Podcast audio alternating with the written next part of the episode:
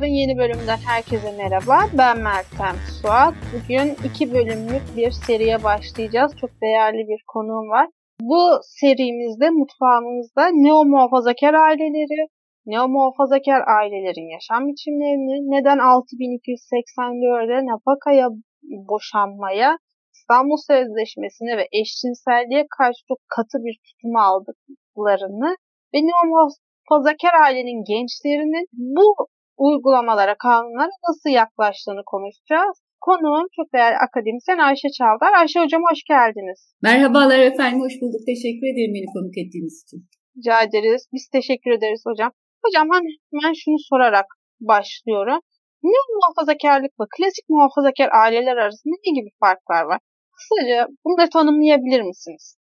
Şimdi size klasik muhafazakarlık tanımı yapamam. Çünkü bu türden ayrımların esasında tam olarak mevzuyu yansıttığını düşünmüyorum. Muhafazakarlığın başına ne geldiğini söyleyebilirim ama. Yani neo muhafazakarlığa kabaca şey diyebiliriz. Neoliberalizm ortamında yeniden şekillenmiş, içeriği yeniden şekillenmiş bir muhafazakarlıktan bahsederiz neo muhafazakarlıktan bahsettiğimizde. Ama klasik muhafazakarlık dediğimizde aslında gayet çoğulcu bir halden bahsederiz. Yani şimdi neo muhafazakarlık dediğimiz ortamda muhafazakarlık sanki bir takım işte sizin de söylediğiniz değerimsi işte 6280'lerde karşı çıkmak, aile falan gibi değerimsi şeyler etrafında yeniden örgütlenmiş bir tür zihniyet kümeleri diye tarif edebilirim mesela neo muhafazakarlığı. Ama muhafazakarlığı bu kadar rahat tarif edemem. Çünkü indirgenmiş değil henüz ben ona şey diyorum neoliberalizme yatağa girmeden evvel kendisini bir takım gene kendisinde olan değerlere indirgemiş değil. Dolayısıyla hayatın çok farklı alanlarında muhafazakarlık eden insanlardan bahsedebiliriz. Dindarlık bu muhafazakarlığın konularından bir tanesi olabilir mesela. Ve genel anlamıyla, en genel anlamıyla muhafazakarlığı değişimi daha yavaş isteyen, muhafazakarların mesela değişim istemekle ilgili bir sorunları yok. Onların belli değişimleri hızlandırırken belli değişimleri durdurmaya çalışmak ve onlar hiç olmasın diye uğraşmak ve onları kampanyalaştırmak gibi bir takım aktiviteleri olabiliyor. Muhafazakarlıkta ise biz insanların kendi kendilerini nasıl tanımladıklarına göre değişen bir şeyden ve o tanımların dışarıdan özellikle dışarıdan gelen etkilere karşı savunulmasından bahsedebiliriz. Böyle olunca da eski muhafazakarlık diyelim ona. Eski muhafazakarlık esasında daha müzakereye açık bir muhafazakarlık. Ee, değişimde evet derdi var, yenilikle derdi var, hiçbir, hiçbir şekilde devrimci değil, Yaşam tarzı anlamında bahsediyoruz bu arada bütün bunlardan. Daha dar siyasi anlamda bahsedersek başka şeyler de koruz ama yaşam tarzı bugün anladığım kadarıyla oradan gideceğiz. Çünkü daha çoğulcu, daha müzakereye açık, tutarsızlıklarıyla biraz daha barışık diyelim. Kendisini daha özellikle topluluklar mesela mahalleler düzeyinde e, şey yaptığında, ifade ettiğinde yaşam tarzı olarak yani bireyin yaşam tarzından çıktık şimdi işte bir sokağın, bir mahallenin, bir şehrin, bir kasabanın yaşam tarzından gidiyoruz. Biraz birbirini gözetlemeci bir yaşam tarzı. Biraz dediğim gibi derdi değişimi yavaşlatmak olduğu için biraz birbirini gözetlemeci, bir, birbirini durdurmacı, o yüzden yargılayıcı bakışın etrafta çok olduğu, bunu işte mahalle baskısı diyor bazıları. Ben e, o laftan çok hoşlanmıyorum çünkü baskı olmadan mahalle nedir ki diye de sormak gerekiyor. Mahalle böyle bir şey çünkü. Onu çıkardığınız zaman birlikte yaşamanın kaidelerini, birlikte gözetme hikayesini çıkardığın zaman mahalleden geriye bir şey kalmıyor. Ama o kaidelerin ne, ne olduğunu tabii ki konuşacağız. Her kaide pazarlığını da şey baskı olarak görmemek lazım bir taraftan. Ama eski dediğim gibi genelde eski muhafazakarlıktan bahsettiğimizde esasında biraz daha gözetleyici, biraz daha içe kapalı, değişimi daha yavaş isteyen, dolayısıyla e, ama ortaklaşan bir taraftan da daha yere Mesela şey neo muhafazakarlıktan eski muhafazakarlığın farkı diyebilirim ki yerle, toprakla, mahalleyle, sokakla dolayısıyla bağının daha organik olması. Neo muhafazakarlığın öyle organik bir bağ yok, evle bile yok. Çünkü neo muhafazakarlığı muhafazakarlıktan ayıran en önemli şeylerden bir tanesi bütün değerlerin üzerine kendini indirgediği bütün değerlerin aynı zamanda tecimselleşmiş, ticarileşmiş olması aslında ticarileşmeye açık olmayan tüm değerlerin de geride bırakılması bir taraftan. Dolayısıyla biz klasik eski muhafazakarlıktan şey diye bahsedebiliriz. Hani bir biraz bir birlikte kalma çabasının, birlikte değişmeden yaşayabilme çabasının bir ifadesi diye bahsedebiliriz. Eğer bunu dindarlığa indirgemeyeceksek, milliyetçiliğe indirgemeyeceksek. Çünkü bunlardan ibaret değil muhafazakarlığın konuları esasında. Ama Türkiye bağlamında neo muhafazakarlık dediğimiz zaman hakikaten bunlara indirgenmiş, bu ikisinden birine indirgenmiş, indirgenmiş değerlerin de şekilde ticarileştiği ve güç müzakerelerine konu olmakla sınırlandığı bir vaziyetten bahsediyoruz. Bir önemli ayrıntı da zannediyorum ki bahsedilmesi gereken ahlak meselesi. Klasik muhafazakarlık ortamında ahlak biraz ben ona şey diyorum kumaşın dokusundan gelir. Yani öyle dışarıdan herkesin birbirine bir şeyler öğretmeye çalıştığı falan bir şey değildir. Dedikodu ortamında en fazla o yargılamalar dolayısıyla siz onun sınırlayıcılığını görürsünüz bir şekilde. Aslında hegemonyası daha güçlüdür çünkü. Çünkü işte sağduyudan bunlar bu işler böyle yapılırdan gelir oradaki ahlak. Daha dediğim gibi dokudan gelir. Neo muhafazakarlığın dilinde ahlak sözcüğü çokça bulunur ama neye tekabül ettiği, ahlakın ve ahlakın ahlaki kaidenin neye tekabül ettiği her an değişebilir. Çünkü o an bakalım o gerçekten bir şeye neo muhafazakara güç sağlıyor mu, para sağlıyor mu, onun çıkarıyla uyumlu mu, uyumlu değil mi gibi ölçütler daha ön plana çıkar. Şimdi neoliberalizmle yatağa girmek ne demek isterseniz ondan bahsedeyim o zaman anlaşılacak. Neoliberalizmin ne olduğuyla ilgili biraz bu. Neoliberalizm bu söylediğimiz planda bize şunu öğütler. Piyasa dediğimiz şey kaidedir. Kaide piyasadır yani. Kaidelerin kaynağı piyasadır. Onun devamlılığıdır ve orada performans gösterebilmektir. O da ne olacak? Başarı olacak değil mi? Yani kazanç olacak. Kazanım bile değil, kazanç olacak. Kazancın kendisi. Devlet sizin başarı göstermeniz gereken bu piyasayı en az şekilde etkileyecek denir. Bu aslında şu anlama gelir neoliberalizmde. Dezavantajlara destek olmayacak devlet. Dolayısıyla piyasa sadece bir güçlüler arası en güçlünün ayakta kalabileceği en aslında bana uyum sağlayan yani piyasaya uyum sağlayan ayakta kalacağı bir arenaya neredeyse dönüşecek. Peki Burayı kim terbiye edecek? Şimdi neoliberalizmin ailesine geliyoruz. Hani böyle bir piyasa var, böyle bir piyasa tarifi var, böyle bir devlet tarifi var. Esasında güya tırnakları çekilmiş bir devletten bahsediyoruz ama pratikte bu öyle olmuyor pek. Bir de insanların birbirlerini doğramaması lazım değil mi? Yani hayatın devam edebilmesi için.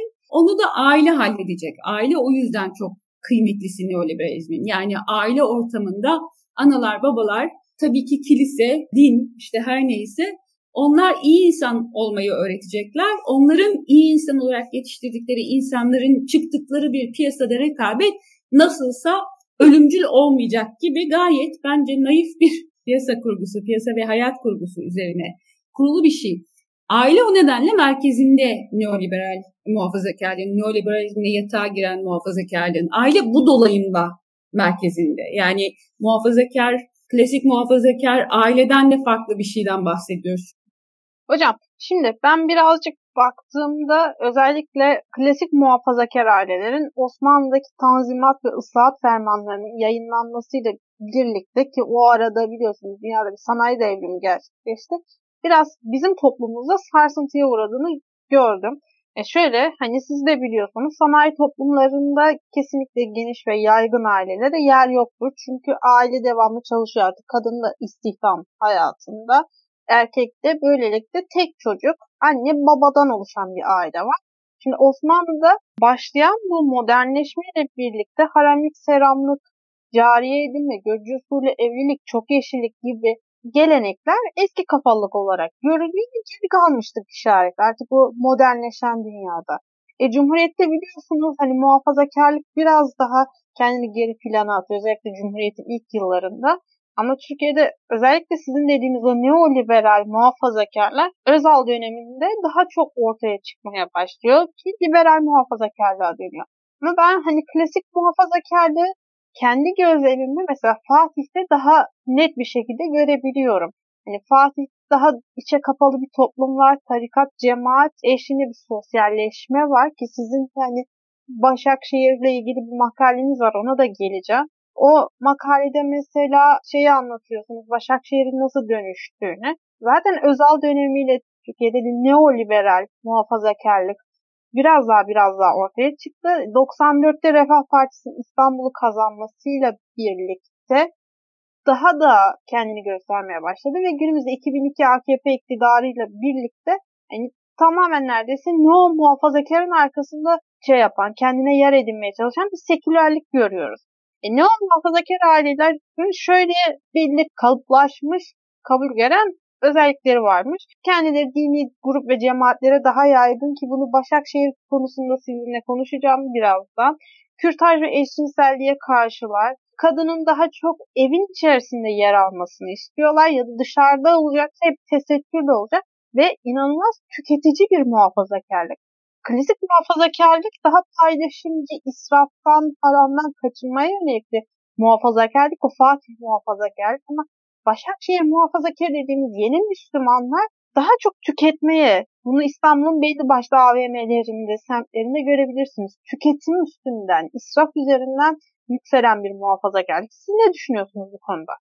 Şimdi o kadar geniş bir e, yerden ele aldınız ki ve o kadar çok ayrı ayrı açılması gereken başlık var ki bu sorduğunuz soruda. Bir kere şunda haklısınız. Yani endüstrileşmeyle beraber ailenin ailenin küçüldüğü aslında aile dediğimiz, bugün aile dediğimiz şeyin endüstrileşmeyle birlikte ortaya çıktığını görüyoruz. Daha evvelden daha tribal diyebileceğim aşiretvari özellikle taşrada birlikte yaşama formlarından bahsediyoruz. Bugün aile dediğimiz şey aslında endüstrinin ürünü diyebiliriz. Çünkü işçileşiyor, emek o tribal düzenden bağımsızlaşıyor ve kendini sürdürebilir, kendi kendini kendi başına da daha küçük birimler halinde sürdürebilir hale geliyor. Böyle bir ortamda da o büyük ilişkiler giderek bireyin e, sırtında bir yük olmaya başlıyor. Ben buna şey diyorum, yumurtayı kırıp onun içinden çıkmak. Artık doğuyor birey. Ailede bu bireyin etrafındaki en yakın bağlardan oluşuyor diyebilirim. Giderek akrabalık ilişkileri anlamlarını, ekonomik anlamlarını yitirdikçe esasında manevi anlamlarını da yitiriyorlar. Çünkü böyle olur. Yani hani altyapı üst yapıyı belirler dedikleri hikaye budur zaten. Yani ekonomik bağlar ben şeyi de çok ayırmam birbirinden. Yani çıkarlarla duygular birbirlerini diyalektik bir biçimde etkileyen e, mekanizmalardır. Dolayısıyla o duygular, o bağlar, ailevi bağlar, akraba bağları, tribal bağlar giderek zayıflıyor birey güçlendikçe. E, söylediğiniz Cumhuriyet döneminde ilk yıllarında bile mesela orada ailenin bu söylediğiniz bu söylediğim anlamda ailenin değerinin ya da kıymetinin işlevinin azaldığını da söyleyemem. Cumhuriyet'in 75.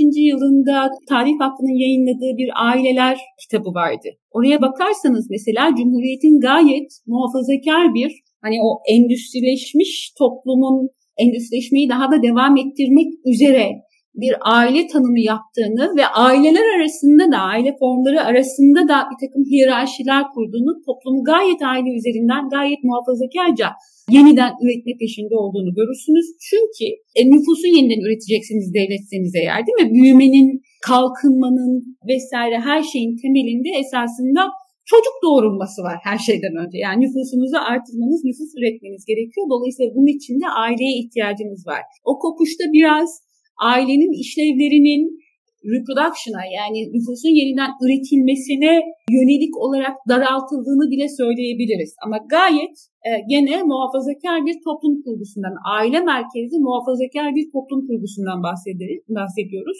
Özellikle o dönemdeki ders kitaplarına bak bakıldığında ben merak edip şöyle bir dolaşmıştım o ders kitaplarını. Orada gayet korunmuş, kollanmış, övülmüş bir aileden ve katı bir aile içi iş bölümünden bahsederiz. İşte anne eğitimli de olsa, çalışıyor bile olsa çocukların bakımından sorumludur. Seçme seçilme hakkına sahip olsa da evde bir reise bağlıdır sonuçta. Evin bir reisi var çünkü ve o da baba ya da koca. Dolayısıyla Cumhuriyet'in aile tanımı hiç de muhafazakar olmayan bir aile tanımı değil. Aksine aileyi çekirdek olarak muhafaza etmeye ve onu sürdürülebilir, yeniden üretilebilir kılmaya dönük bir hayli mekanizma üretiyor. Ve ideolojisi de esasında bunun üzerine kurulu diyebiliriz. Ha diyeceksiniz ki bunda ne beis var? Bugünden geriye bakıldığında pek çok beis var. O dönem içinde öncesiyle karşılaştırıldığında ilerici bir durum olduğu bile söylenebilir. Yani bu tür hikayeler öyle kendi kesiti içerisinde kolayca anlaşılabilir şeyler değil. Bağlarını kurmak zincirler içerisinde, tarihsel zincirler devamlılıkla içerisinde bakmak zorundayız onlara. Dolayısıyla anlamları zamanla değişebilir.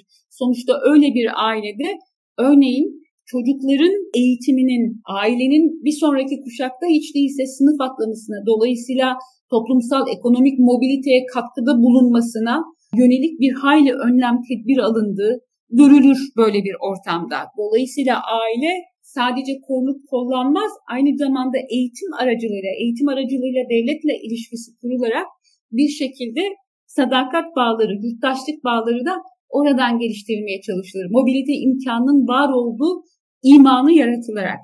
Ki olmuştur da bu. Yani şu son 30-40 sene öncesinde eğitim gerçekten mobiliteyi, ekonomik mobilite açısından fırsatlar sunan bir alandı. Ve bu nedenle de hep yüce ve anlamlı bir şey olarak talep edilir, arzulanabilir bir şey olarak ailelerin gündeminde kaldı. Bunlar biraz değişmeye başladı. Onu söylemek lazım.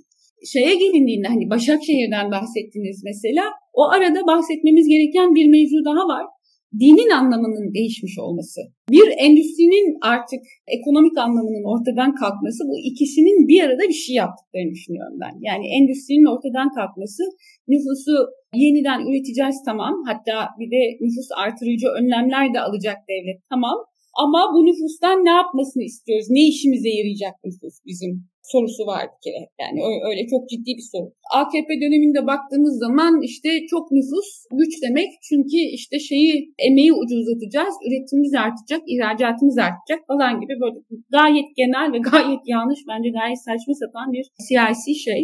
Başarıya da ulaşmadı. Hatırladığım istatistiklere göre şeyde AKP döneminde üç çocuk politikasına rağmen ailelerin doğurganlığı azalmış vaziyette. Hatta yarı yarıya neredeyse azalmış vaziyette ki burada şey tedbirleri de koymamız lazım. Yani doğum kontrol yöntemlerine erişimin fiziken azaltılmış, sınırlanmış olmasına rağmen sadece kürtajdan bahsetmiyorum. Doğum kontrol haplarına erişim bile sınırlanmış vaziyette fiili olarak.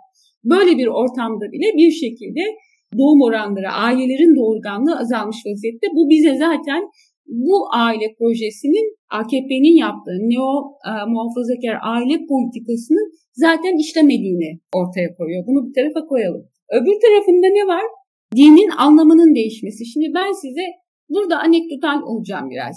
Nasıl değiştiği konusunda yani dinin neye dönüştüğü konusunda çok sık karşıma çıkan bir karşılaştırma. Başakşehir'de tezi yazarken, tezin araştırmasını yaparken de karşıma çıktı. Sonra da hatta burada da Almanya'daki dindar Türkiye'liler arasında da sıkça gördüğüm, e, sıkça duyduğum bir şey şöyle diyor. Diyor ki aynı mantığa çıkan iki kalıptan bahsedeceğim. Birincisi diyor ki Müslümanların en iyi yemeleri lazım, en iyi yemekleri yemeleri lazım, en iyi arabalara binmeleri lazım, en iyi evlerde oturmaları lazım ki Allahu Teala'nın inananları nasıl ödüllendirildiği, ödüllendirdiğini inanmayanlar görsünler. Burada bir performatif bir şeyden bahsediyoruz farkındaysan. Bir tanesi bu. İkincisi de cennet buraya gelmiş. Başakşehir hakkındaki o okuduğunuz makalelerden muhtemelen ikincisinin başlığı odur. Cennet hemen şimdi. Cennet buraya gelmiş. Profanlaşmış. Şimdi Agamben der ki profanlaşma için o çok bayılır. Profanlaşma kelimesini çok sever. Hatta kutsar neredeyse Agamben profanlaşma kelimesini. Der ki profanation yani profanlaşma, dünyevileşme şeylerin her ne profanlaşıyorsa, dünyevileşiyorsa onun insanın kullanımına açılmasıdır. Ne kadar güzel. Dolayısıyla onun özgürlük alanı haline gelmesidir der. Ben profanlaşmanın akıbeti, şeylerin akıbetleri konusunda ne söylediğiyle ilgili olarak Agamben'le aynı fikirde değilim. Gayet karamsarım. Çünkü aynı zamanda o şeylerin insanın tüketimine, insanın bozmasına e, açılması demek. Bu söylediğim birinci kalıpta şunu söylüyor. Diyor ki aha da bu materyal çevre, ulaştığım materyal kaynaklar, tüketebildiğim şeyler benim doğru yolda olduğumu, inancımın da doğruluğunu ispatlıyor. Bu, bu delice bir şey. Çünkü biz ne deriz? Din aslında bizi bilmediğimiz şeyler konusunda, bizim bilmediğimiz şeyler konusunda bize bir takım şeyler söyler. Mesela bunların en başlıcası ölümden sonra ne olacak? O şeyler hakkında konuşarak yani cennet, cehennem vesaire gibi mevzular hakkında konuşarak da bu dünyada bizi şöyle ya da böyle iyi ya da kötü insan olmaya, birbirimizi öldürmemeye, bazı temel günahları işlememeye, birbirimizden çalmamaya, yalan söylememeye falan örgütler. Dinin hayatımızdaki işlevi bu. Dinin hayattaki işlevi bu olmaktan çıkmış bu ortamda. İşte neo muhafazakarlığın din tanımında diyebiliriz. Çıkmış ne olmuş? Din benim dünya üzerinde, dünyevi hayatta başarılar kazanmamı sağlayan şeydir. Bunun pratik bir ayağı da var. Nasıl kazanıyorum bu başarıları? Bakıyorum işte dinin kümelendiği yerlere ben de oraya gidiyorum. Onlarla birlikte kümeleniyorum ve o bir güç üretiyor. İşte AKP diyelim, cemaat diyelim her neyse. Bizim orada kümelenmemiz bir güç üretiyor ve biz bu gücü paylaştığımız zaman zenginleşiyoruz. Dolayısıyla evet doğru yoldayız. Burada inanç artık daha önce bildiğimiz din değil. Burada inanç gayet cenneti dünyada üreten e, yeni bir din tarifi var. Adı hala İslam. İslam'dan pek çok öğe var bunun içerisinde ama bizim o muhafazakarlık falan derken bahsettiğimiz dinle ilgisi sadece dediğim gibi bir lafzı hikaye belki işte bir takım ibadetlerin performansına indirgenmiş vaziyette. Bir başkasında bunun counter'ında yani karşısında da şey diyor yoksulluk mesela. E, niye o insanlar yoksul? İslamcılıktan alıyor aslında bu lafı. Çünkü İslamcılık şeyin sonunda Osmanlı İmparatorluğu'nun son döneminde imparatorluk neden güçten düştü? Çünkü Müslümanlar dinlerini iyi bilmiyorlar. Dinlerini iyi öğrenmiyorlar, hayatı uyarlamıyorlar, hurafelerle tahrif ediyorlar dinlerini ya da başkalarının bozmasına izin veriyorlar. O yüzden güçten düştüler gibi bir cevap üzerinden kendini tarif etmişti İslamcılık. Bir hegemonik proje tarif etmişti. Şimdi çok benzer bir şeyi görüyoruz. Yoksulluk niye var? Hani dindarların bu kadar güçlü oldukları. Hatta dindarların yaşam alanlarının etraflarında değil mi? Çok yakın yaşam alanlarının etraflarında yoksulluk niye var? Yani sahiden üstelik de Müslüman bu yoksullar. E sahiden inançlı insanlar olsalardı, dinlerini doğru dürüst uygulasalardı onlar da zengin olurlardı. Yani onların hatası, yoksulluk onların hatası. Oldu mu bir de şeyden hani toplumsal adalet söylemi de eski dindarlığın içerisinde var olan işte fitreyi, zekatı vesaire falan örgütleyen toplumsal adalet, sosyal adalet mevzusunu da çıkardık oradan. Bitti gitti. Esasında eskisiyle yenisi arasında yenisinin eskisini pazara çıkarması dışında o da kendi bir kazanca dönüştürmek üzere pazara çıkarması dışında pek de bir bağ kalmadı aslında farkındaysanız. Ha derseniz ki bu dönüşüm sadece AKP ile mi oldu? Hayır. Bu dönüşüm sadece AKP ile olmadı. Bu dönüşüm 1980 darbesi sonrasında aslında sosyalizmle mücadele, komünizmle mücadele bu aslında şu demektir. İşçi sınıfının haklarının peşine düşmesini engelleme siyaseti esnasında çıkarılan bir takım devletli formüllerle bu sokaktaki muhafazakarlığın ve İslamcılığın bileşiminden ortaya çıkan melez bir ürün aslında. Yani o tarafıyla bu neo muhafazakarlık dediğimiz ya da dediğiniz şeyin sadece İslamcıların bir ürünü olduğunu söylemek zor. Müştereken üretilmiş bir canavar diyebiliriz. Öyle bir hal. Kendisiyle ilişkisi açısından da. Bunun yani neo muhafazakarlığın eline düşmüş herhangi bir muhafazakar değerin pazarda alınıp satılma özelliğini kaybettiği anda çöpe atılmaması imkansız mesela ki biz bunu çokça görüyoruz. O türden değerli sürekli yenilerinin ortaya çıkarıldığını ne bileyim ben yeni ibadet formları bulunduğunu, bir takım gelenekler icat edilip dur- durulduğunu vesaire falan görüyoruz. Oradan gelen, o havuzdan gelen herhangi bir şeyin bir süre pazarda iş gördükten sonra ve artık bir kazanç sağlamadığı anlaşıldıktan sonra varlığını devam ettirmesi mümkün değil. Dolayısıyla gene bu değerlerin süresi de ve gücü de onların piyasada Müslümanın ya da dinlerin ya da muhafazakarın her neyse o ya da bu kılıklardan birine girmiş herhangi birinin fark etmez piyasada rekabet etme gücüne katkıda bulunduğu sürece e, değerli onlar. Eğer ona katkıda bulunmuyorlarsa değerli değiller. Çok sık o yüzden şunu duyarız. Bu tür şeyler eleştirildiğinde ya sizin de satılık olmayan bir şeyiniz yok, değeriniz yok vesaire falan gibi eleştirilerle karşılaştır yaptıklarında şöyle derler. Siz de Müslümanın yoksulunu seviyorsunuz tabii. Müslümanları yoksulken seviyordunuz. Şimdi sevmiyorsunuz çünkü şimdi güçlüler. Eleştirinin buraya geldiğini düşünür ve onu bir saldırı olarak alır. Ben ben yoksulken tabii yani hani bana katlanabiliyordunuz. Şimdi zengin olduğum için bana katlanamıyorsunuz. Esasında o aradaki mesafeyi ölçebiliyorsa bile ölçmeye yeltenmez ve canı istemez yani böyle bir yüzleşmeyi. Hocam Şimdi ben şunu da sormak istiyorum. Öncelikle evet dedikleriniz doğru. E, neo muhafazakar özellikle Başakşehir'de de o İrfan Öktem'in çok değerli bir çalışması var. Fatih'ten Başakşehir'e diye. iki farklı ilçeyi karşılaştırıyor ve yaşam stillerini anlatıyor orada. Çok güzel bir sosyolojik araştırma dinleyicilere de tavsiye ederim. Orada mesela Başakşehir'de yaşayan aileler şunu söylüyor kitapta. Biz çocuklarımız yoksul görsün diye Sudan'a götürüyoruz. Sığınmacılarla görüştürüyoruz. Çünkü bizim mahallede yoksul yok. ve çocuklarımız yoksul olmanın ne demek olduğunu bilmiyor diye. Yani ne o muhafazakarlar aslında hani o Başakşehir'de de mesela o ailelerin hiçbiri e, yoksul değil. Hepsi Müslümanların sizin de dediğiniz gibi güçlenmiş hali. Bir süre sonra yoksulluktan, komşusu aç aç yatarken tok yatan bizden değildir anlayışından uzakta oluyorlar. Çünkü hepsi tok o mahallede.